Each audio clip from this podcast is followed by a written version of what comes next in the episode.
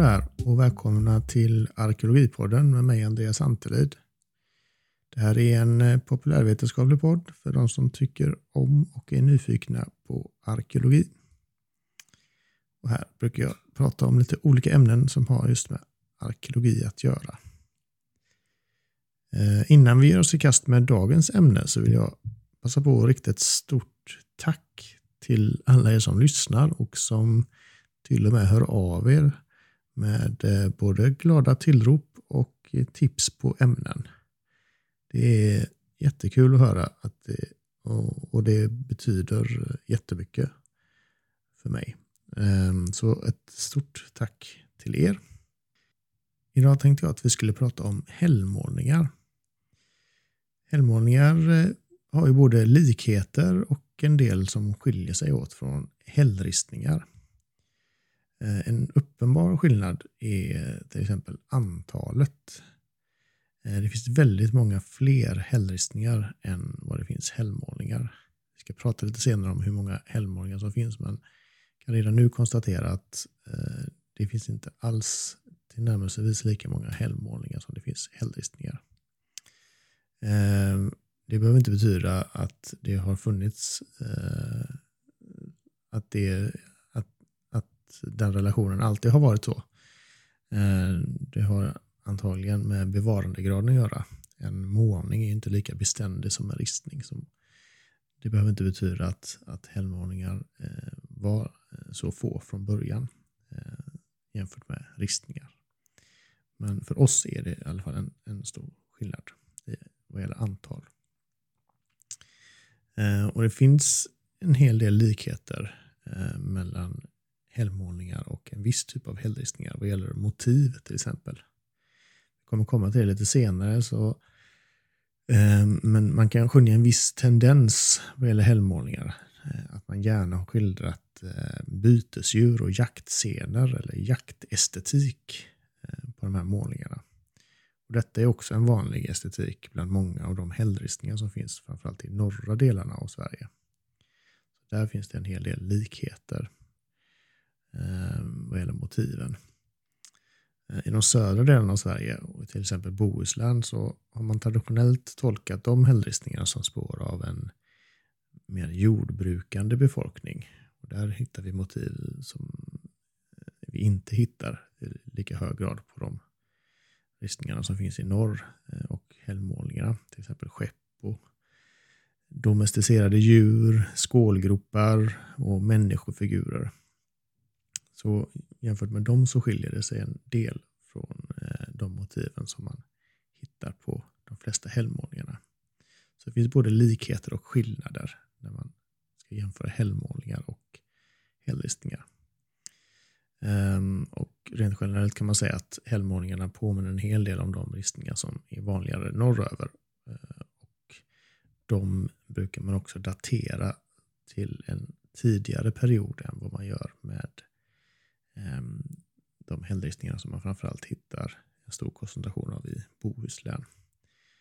Eh, de, eh, de hällmålningar och hällristningar som innehåller de här jaktmotiven brukar dateras till yngre stenåldern. Vi kommer komma in på det här med datering lite senare. Det finns en del problem med det. Ehm, och vi kommer framförallt prata i det här avsnittet om eh, stenåldern och då kan det vara bra att ha eh, färsk, friska upp minnet med att eh, man brukar dela upp stenåldern i två delar. En som man kallar för mesolitikum eller jägarstenåldern eller äldre stenåldern. Och det är den tiden som sträcker sig eh, från istidens slut fram till ungefär 4000 före vår tidräkningsbörjan. Eh, och sen därpå följer då den neolitiska stenåldern eller bondestenåldern eller yngre stenåldern. Som sträcker sig då från ungefär 400 före vår tidräkningsbörjan fram till bronsåldern eh, som börjar ungefär 1800 före vår tidräknings. Så det är de här, tids, de här, tid, de här tidsperioderna vi kommer att prata mest om i det här avsnittet.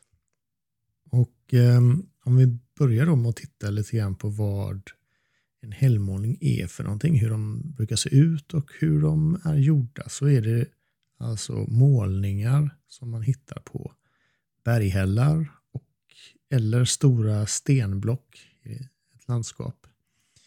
Eh, de är målade med en röd färg, eh, såsom eh, rödockra till exempel. Ehm, och den här färgen har liksom mer eller mindre blivit en del av stenen eller berget. Så det är som färgen har gått in i berget så att de fortfarande är synliga då flera tusentals år efter att de en gång har målats där. Ehm, men de här hällarna är då utsatta för vittring eh, mycket nu för tiden på grund av det sura regnet och att de ibland täcks av snö till exempel som också är sur som eh, ligger på de här målningarna. Eh, och de, så, så, sakta men säkert så vittrar de här yttersta ytskikten av de här berghällarna bort. Eh, och det här har ju då såklart ökat de senaste 200 åren eh, efter att vi har börjat släppa ut massa saker i luften som gör att den här försurningen ökar. Så Det kan vara så att vi tillhör de sista som har möjlighet att se de här målningarna.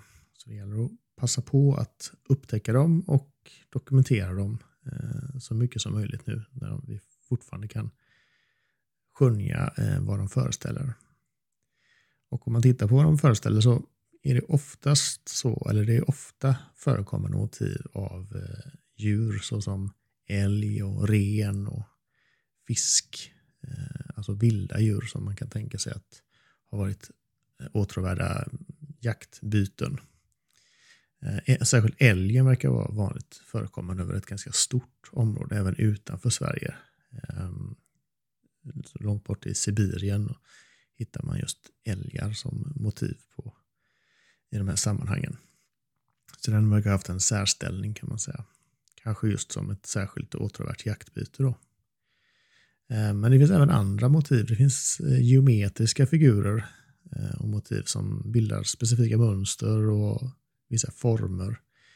Och ibland är det så att de här geometriska mönstren är inramade så att det bildar liksom små eller enskilda enheter, så kallade ramfigurer. Att man har en ram och så har, hittar man ett, ett eh, geometriskt mönster inne i den här ramen. Eh, och att, genom att studera de här mönstren så kan man jämföra olika platser och se att samma mönster förekommer på olika platser. Man kan liksom nästan se släktskap mellan olika områden där samma mönster förekommer. Man skulle kunna jämföra det här jämförandet med att man på ett liknande sätt brukar göra, studera keramik och olika keramikstilar och ornamentik på keramik på samma sätt för att spåra då gemensamma uttryck mellan olika områden och människor. Så det finns liksom en sån aspekt av det, att man faktiskt kan se eh, att samma mönster återkommer på flera olika platser. Ehm, och om man tittar lite grann på var man hittar dem någonstans, alltså i vilka sammanhang de brukar förekomma, så rent geografiskt så kan man säga att de flesta hällmålningarna som finns i Skandinavien finns i, eh, återfinns i Finland. De, I Finland finns det många, många fler hällmålningar än vad det finns i övriga Skandinavien. I Sverige finns de alltifrån Bohuslän i söder, som är den södraste hällmålningslokalen, och ända upp till Lappland i norr. Och det verkar vara en koncentration i, de mell i mellersta Skandinavien, kan, kan man säga. Så de flesta återfinns i de norra delarna av Sverige. Ehm, ja, vad gäller Sverige då så är det de norra delarna av Sverige som är där de är vanligast förekommande. Men det, som jag sa innan så finns det inte så många lokaliserade eller registrerade hällmålningar i, i Sverige. Vi har ett 50-tal lokaler i nuläget. Men det görs nya fynd hela tiden. Och, eh, en av anledningarna till att man kanske inte har hittat fler, det kan mycket väl ha att göra med just att det verkar vara främst eh, i de norra delarna av Sverige som de här lokalerna finns. Och just där finns det stora luckor i kunskapsläget vad gäller fornlämningar. För de norra delarna är fortfarande inte lika inventerade på samma sätt som, man, som de södra delarna är. Så det finns fortfarande väldigt många fornlämningar kvar att upptäcka och eh, inventera i, i de norra delarna. Så om man är ute i skog och mark, och framförallt då i norra Sverige, så eh, ska man hålla ögonen öppna. Speciellt när man då passerar lämpliga berg och klippväggar. Eh, för det är så många av nyfynden görs nämligen. Att det är bärplockare eller vandrare som är ute i skog och mark och stöter på då eh, rödmålade bergväggar och ser mönster där. Så det kan man mycket väl hålla ett öga uppe för när man är ute. Um, om man tittar på motiven och spridningen så verkar det finnas vissa geografiska skillnader. Uh, till exempel mellan då Finland och Sverige. Um, det finns en, I Finland verkar det finnas en tydligare vattenkoppling hos de här hällmålningarna Eller motiven. Det är till exempel vanligare i Finland med att man har med båtar på de här målningarna. Det saknas oftast då i den svenska kontexten. Så det finns också geografiska skillnader i vad, vad gäller vilka motiv som man har valt att ha med på de här målningarna. Och om man tittar på mer konkret på de här platserna som många hällmålningar finns på idag så hittas de oftast på bergväggar, lodräta sådana. Eh, gärna med ett skyddande överhäng så att de har varit relativt skyddade från väder och vind. Och Det kan ju då vara så att man medvetet har valt att eh, göra målningarna på sådana väggar just med det i åtanke att om det är lite skyddat så kommer de vara synligare längre. Men det kan såklart också vara så att det är just de platserna som vi har kvar idag som fortfarande är synliga för oss. Eh, och att det därför finns ett, ett samband mellan de här skyddade lägena och eh, målningarna. Eh, för att det är de enda som, vi, som finns kvar för oss att titta på idag. Så det är lite oklart om det har varit ett medvetet val. Um, och jag har redan nämnt lite grann eh, datering och tidsbestämning. Men ehm, man kan väl konstatera att det är ganska svårt att datera eh, uh, hällmålningar. Ehm, på samma sätt som när vi pratade om eh, uh, skålgropar i det allra första avsnittet av eh, Arkeologipodden så, så konstaterade vi att det är lite svårt att, att göra dateringar. Ehm, man har lyckats på andra platser i världen att datera faktiskt med Eh, kol-14-metoden. Alltså att man har hittat organiskt material i själva färgen som man använt. Det har man gjort till exempel på, på grottmålningar på sina håll. Ehm, men det har man, vad jag har sett, inte lyckats eh, göra här i, i, i norr.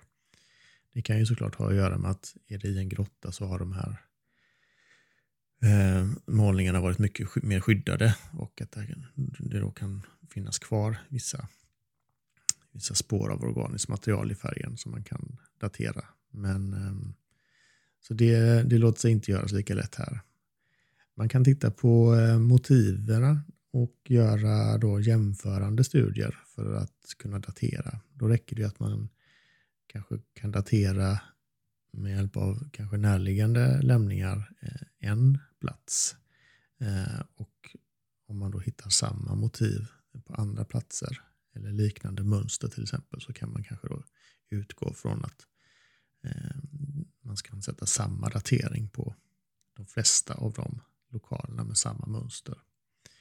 Ehm, man kan också titta på, på en enskild lokal om det finns spår av övermålningar till exempel. Att man kan ha en, eh, en relativ kronologi på den enskilda lokalen där man kan se att vissa målningar har eh, Eh, tillkommit före andra och så vidare. Eh, på samma sätt som man gör med hällristningar då, att man kan hitta överhuggningar som gör att man kan få en lokal eh, kronologi. Ett annat vanligt sätt att datera dem på är ju med hjälp av strandlinjerna som vi har pratat om tidigare. Att man tittar då på vilken höjd över havet lokalen har. Och ofta då kanske man utgår från att man har eh, gjort målningen i närheten av den dåtida strandlinjen och med hjälp av de här eh, strandlinjekurvorna kan man då ehm, åtminstone sätta en, eh, en tidigaste eh, datering till dem. Ehm, och en plats där det finns väldigt många hällristningar är ju Nämnforsen i Ångermanland även om det då är ristningar där så innehåller den även såna, den typen av ristningar som, som har eh, stora likheter med hällmålningar, motivmässiga likheter. Eh, och den platsen har man då daterat med hjälp av strandlinjedatering så den kan tidigast ha tillkommit ungefär 4500 före vår tidräkningsbörjan. Alltså precis i början kan man säga av den yngre stenåldern. På några enstaka platser har man funnit faktiskt överlagrade hällmålningar. Ehm, och det pratade vi också om i avsnittet som handlade om just strandlinjedatering. Och en överlagring sker ju då när, när, när vattnet helt plötsligt stiger. Vi har en generell trend att vattnet drar sig tillbaka i och med landhöjningen. Men under vissa perioder på vissa platser så har eh, vattnet eh, ökat under vissa perioder. Och då har platser som har varit i bruk eh, blivit överlagrade när vattnet har återtagit den platsen. Ehm, och då sker en så, då kan man, då sker en så kallad, så kallad överlagring. Och då ehm, finns det exempel på att vissa hällmålningslokaler har varit överlagrade av Eh, till exempel en boplats. Så att när vattnet har dragit sig tillbaka från den här överlagrade hällmålningslokalen så har människor kommit dit och bott på den platsen. Och då kan man ju eh, vara ganska säker på att hällmålningen är äldre än den boplatsen som man då sen hittar ovanpå hällmålningen.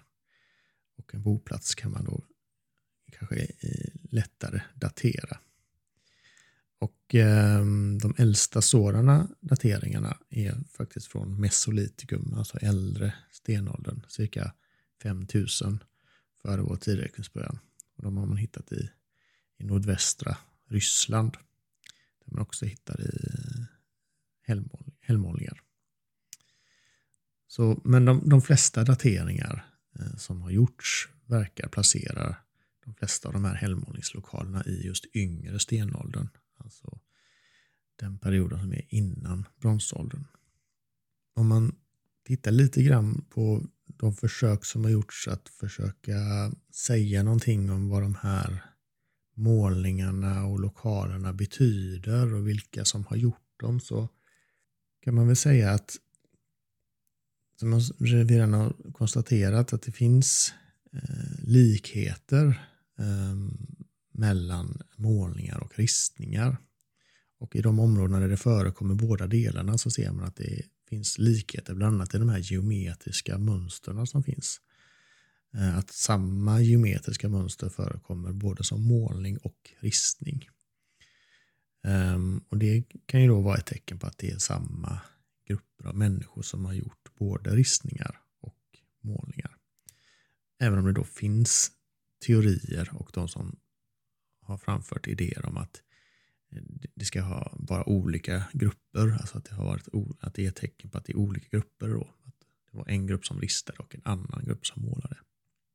Men att likheterna då skulle kunna förklaras i att man hade utbyte med varandra. Men att det rör sig om två olika eh, grupperingar. Men eh, om man tänker att det är samma människor som ägnar sig åt båda praktikerna, alltså att det är både förekommer ristning och målning inom samma kultur eller inom samma grupper, så kan ju en förklaring som har lanserats eh, vara att man eh, att det handlar om att man har valt metod beroende på årstid. Alltså att man kan ha ristat under en årstid och att man valde att måla vid en annan årstid. Och då är teorin att målandet i så fall ska ha skett på vintertid. Um, och det baserar man bland annat på att det finns skillnader i till exempel var, vilka platser man har valt för målandet. De målningarna förekommer oftast då på lodräta väggar och gärna nära vatten.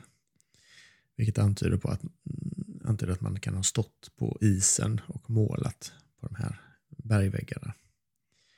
Ehm, om man tittar på motiven, Eh, men framförallt älgar, så antyder också det ett jaktsammanhang. Eh, och just jakt av älg var någonting som man sysslade en del med på just vintern. Så att det har med den eh, aktiviteten att göra. Och ristningarna då skulle ha gjorts på platser där man kanske samlades på somrarna. För man ser en skillnad i dem. De platserna skiljer sig åt från, från eh, platserna med målningar.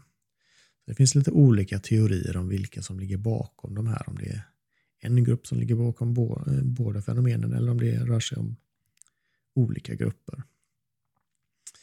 Ehm, och om man funderar lite mer på vad de betyder och så här och om man ska förklara dem så ehm, finns det teorier som som hävdar att det finns liksom shamanistiska förklaringar till de här mer abstrakta och geometriska mönstren. Alltså att det kan ha varit en del i en shamanistisk eh, tradition. Eh, att det handlar om jaktmagi och att de här mönstren då eh, är en del av, av riter som har med transcendentala eh, övergångar mellan andevärlden och den mänskliga världen att göra. Um, och traditionellt så har man kopplat ihop just helgmålningar med en mer jaktbetonad ekonomi och ett jaktbetonat levnadssätt. Framförallt beroende på motiven. Ehm, det verkar som att de föreställer ehm, olika typer av jaktbyten, älg och ren och eh, fisk till exempel. Men även när man tittar på var man hittar dem i norra Skandinavien. Ehm, där man tänker att man har fortsatt haft en ganska stark jakttradition där. Även efter att man har introducerat jordbruk, kanske i de södra delarna av, av Sverige eller Skandinavien, så har man fortfarande haft en väldigt stark jakttradition i de här norra delarna. Och att detta är ett uttryck för det då.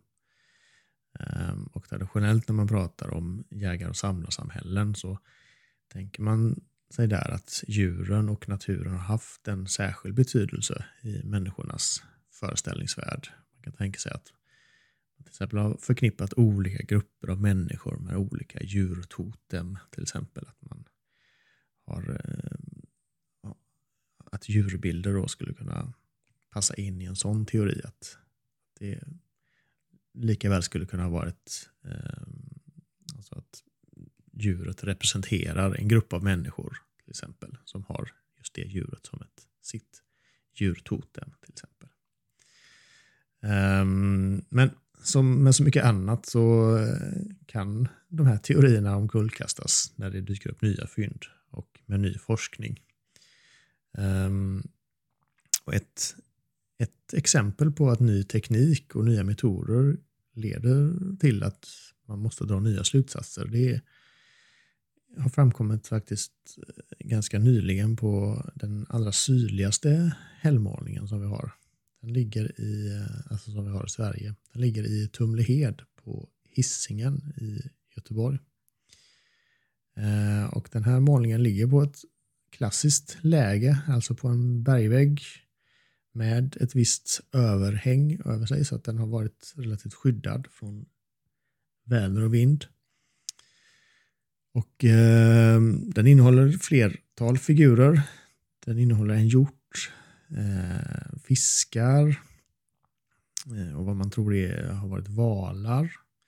Det förekommer faktiskt båt, eh, båtar på den här eh, målningen. Och ehm, också olika mönster, så som det finns något vågmönster på den och sådär. Och den har tidigare bedömts vara utförd av lokala eh, jägare och samlare alltså under Mesolitikum. Eh, och har, man har tänkt att den har varit, kunnat vara upp till 7000 år eh, gammal. Men eh, för några år sedan så gjorde man, eh, dokumenterade man den här målningen med en ny teknik, en ny fototeknik som eh, gjorde att man kunde upptäcka fler motiv på den här helgmålningen. Det dök upp detaljer som man inte hade kunnat se tidigare med hjälp av den här nya tekniken. Eh, vilket gjorde att man var tvungen att omvärdera en del. Eh, bland annat så framkom det på de här båtarna som man, man hade kunnat se innan så framkom det att det fanns älghuvuden, stiliserade älghuvuden i stävarna på de här båtarna. Och det hade man inte eh, sett tidigare. Um, för man kan inte urskilja dem med blotta ögat. Och de här, såna här älgdjuren på båtar har tidigare bara hittats i Finland och Ryssland och nordöstra Norge och i norra Sverige.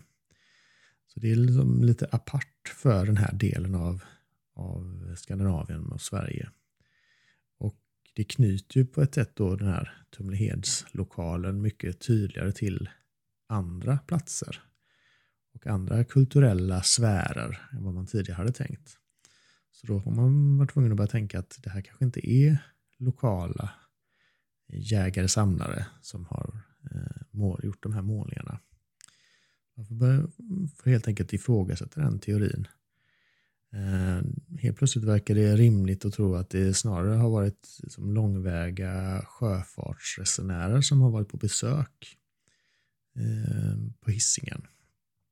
Kanske då att de kom från norra delen av Norges kust och har tagit sig hela vägen ner för att bedriva fiske på, på säl eller val. För Det kunde man se med den här nya tekniken då att man tror att det förekommer både val och säl på den här eh, målningen. Och det ändrar också då dateringen möjligen ganska radikalt. Så istället för att det har varit lokala jägare och samlare som levde här på under Mesolitikum, alltså äldre stenåldern, så kan det mycket väl ha varit tillresta jägare eh, som var här kanske istället då på yngre delen av stenåldern, alltså flera tusen år senare. Um, så det visar ju just att med ny teknik um, så eh, kan man, eh, kan man komma fram till helt nya slutsatser. Det ska bli väldigt spännande att se om man tänker sig använda den här tekniken på fler eh, sådana här lokaler. Eh, och då ser man kan hitta också där då dolda eh, motiv som man inte har kunnat se tidigare. Så det finns en hel del fortsatt att göra eh, inom den här eh, kategorin av lämningar. Och Precis som med hällristningar och som med skålgropar som vi behandlar i det första avsnittet av Arkeologipodden så är det svårt att förstå och förklara vad bilder och så som är över 4000 år gamla, vad det har betytt för dem som målade dem. Det är, det är väldigt svårt för oss att, att, att ha några idéer om det egentligen. Att vi kan se och urskilja vad bilderna föreställer, eller vissa av bilderna föreställer, det är ju en sak. Um, I vissa fall så är det ganska lätt att se vilket djur det handlar om till exempel. Men vad syftet och betydelsen har varit det är mycket svårare att uttala sig om egentligen. Men man kan ju, kan ju ändå säga en del utifrån då, till exempel läge och kontext och jämförelse med andra fynd Eh, och målningar och ristningar som man har hittat på andra platser så kan man ändå säga någonting om, eh, om motiven och människorna som levde på den här tiden. Just likheterna i motiv och mönster tyder ju på både långväga kontakter eh, och gemensamma kulturella uttryck över stora geografiska avstånd. Det är uppenbart att människorna redan på stenåldern hade kontakt med varandra över väldigt stora områden. Det visar ju om inte annat den här målningen då i, i Tumlehed på. Och det, det verkar gälla både vilka slutsatser man kan dra av de mer jaktbetonade hällmålningarna och ristningarna. Man ser gemensamma mönster. Man kan också dra liknande slutsatser när man tittar på de här bohuslänska bronsåldersristningarna som har likheter med motiv i andra delar av Europa till och med. Det här st stora kontakt över stora avstånd verkar ha varit eh, kanske vanligare, mer vanligt förekommande än vad man tidigare har tänkt sig. Ehm, jag tycker personligen det är väldigt spännande att titta på de här målningarna för det är ett så uppenbart sätt att försöka kommunicera. Det är ganska uppenbart att det handlar om någon form av kommunikation. Och visst, nog för att man kan kommunicera även då med hjälp av gravar och depåfynd som vi pratade om i förra avsnittet. Eh, det har också använts för att signalera och kommunicera olika saker som status och makt. Men de här bilderna har ju en så tydlig kommunikativ ambition. De har satts dit för att synas. Och sen då om man, om man lägger till den shamanistiska eller jaktmagiska aspekten så visst, det behöver ju inte vara så att kommunikationen ska ske från människa till människa utan det kan mycket väl ha varit så att det har varit eh, ett sätt att kommunicera med en andevärld men just att det handlar om kommunikation ehm, är svårt att komma ifrån. Ehm, och då är det spännande tycker jag att försöka förstå vad det är man försöker kommunicera. Vad, vad är det man försöker säga med de här bilderna. Um, så ehm, ja, jag tycker det är en, en, en spännande kategori och det, jag hoppas att man hittar fler så att man kan eh, eh, både hitta nya typer av motiv men också se ny, fler mönster eh, som gör att man kanske kan eh, och särskilt då, det kan ju vara både att man eh, upptäcker nya motiv på redan kända målningslokaler. Men eh, som sagt var, håll ögonen öppna när man är ute i skog och mark och se om eh, ni kan hitta några nya. Det finns med all säkerhet fler hällmålningar som väntar på att bli upptäckta där ute. Um, ja, det här blev ett lite kortare avsnitt än vad jag brukar göra. Um, men tack så mycket för att ni har lyssnat. Hoppas att ni också tyckte att det här var intressant. Ehm, det hörs snart igen med ett nytt poddavsnitt med ett nytt ämne. Om ni vill komma i kontakt med mig så gör man det enklast genom att mejla till arkeologipodden hotmail.com. Det finns också en Facebook-sida som heter just Arkeologipodden som man kan välja att följa om man vill.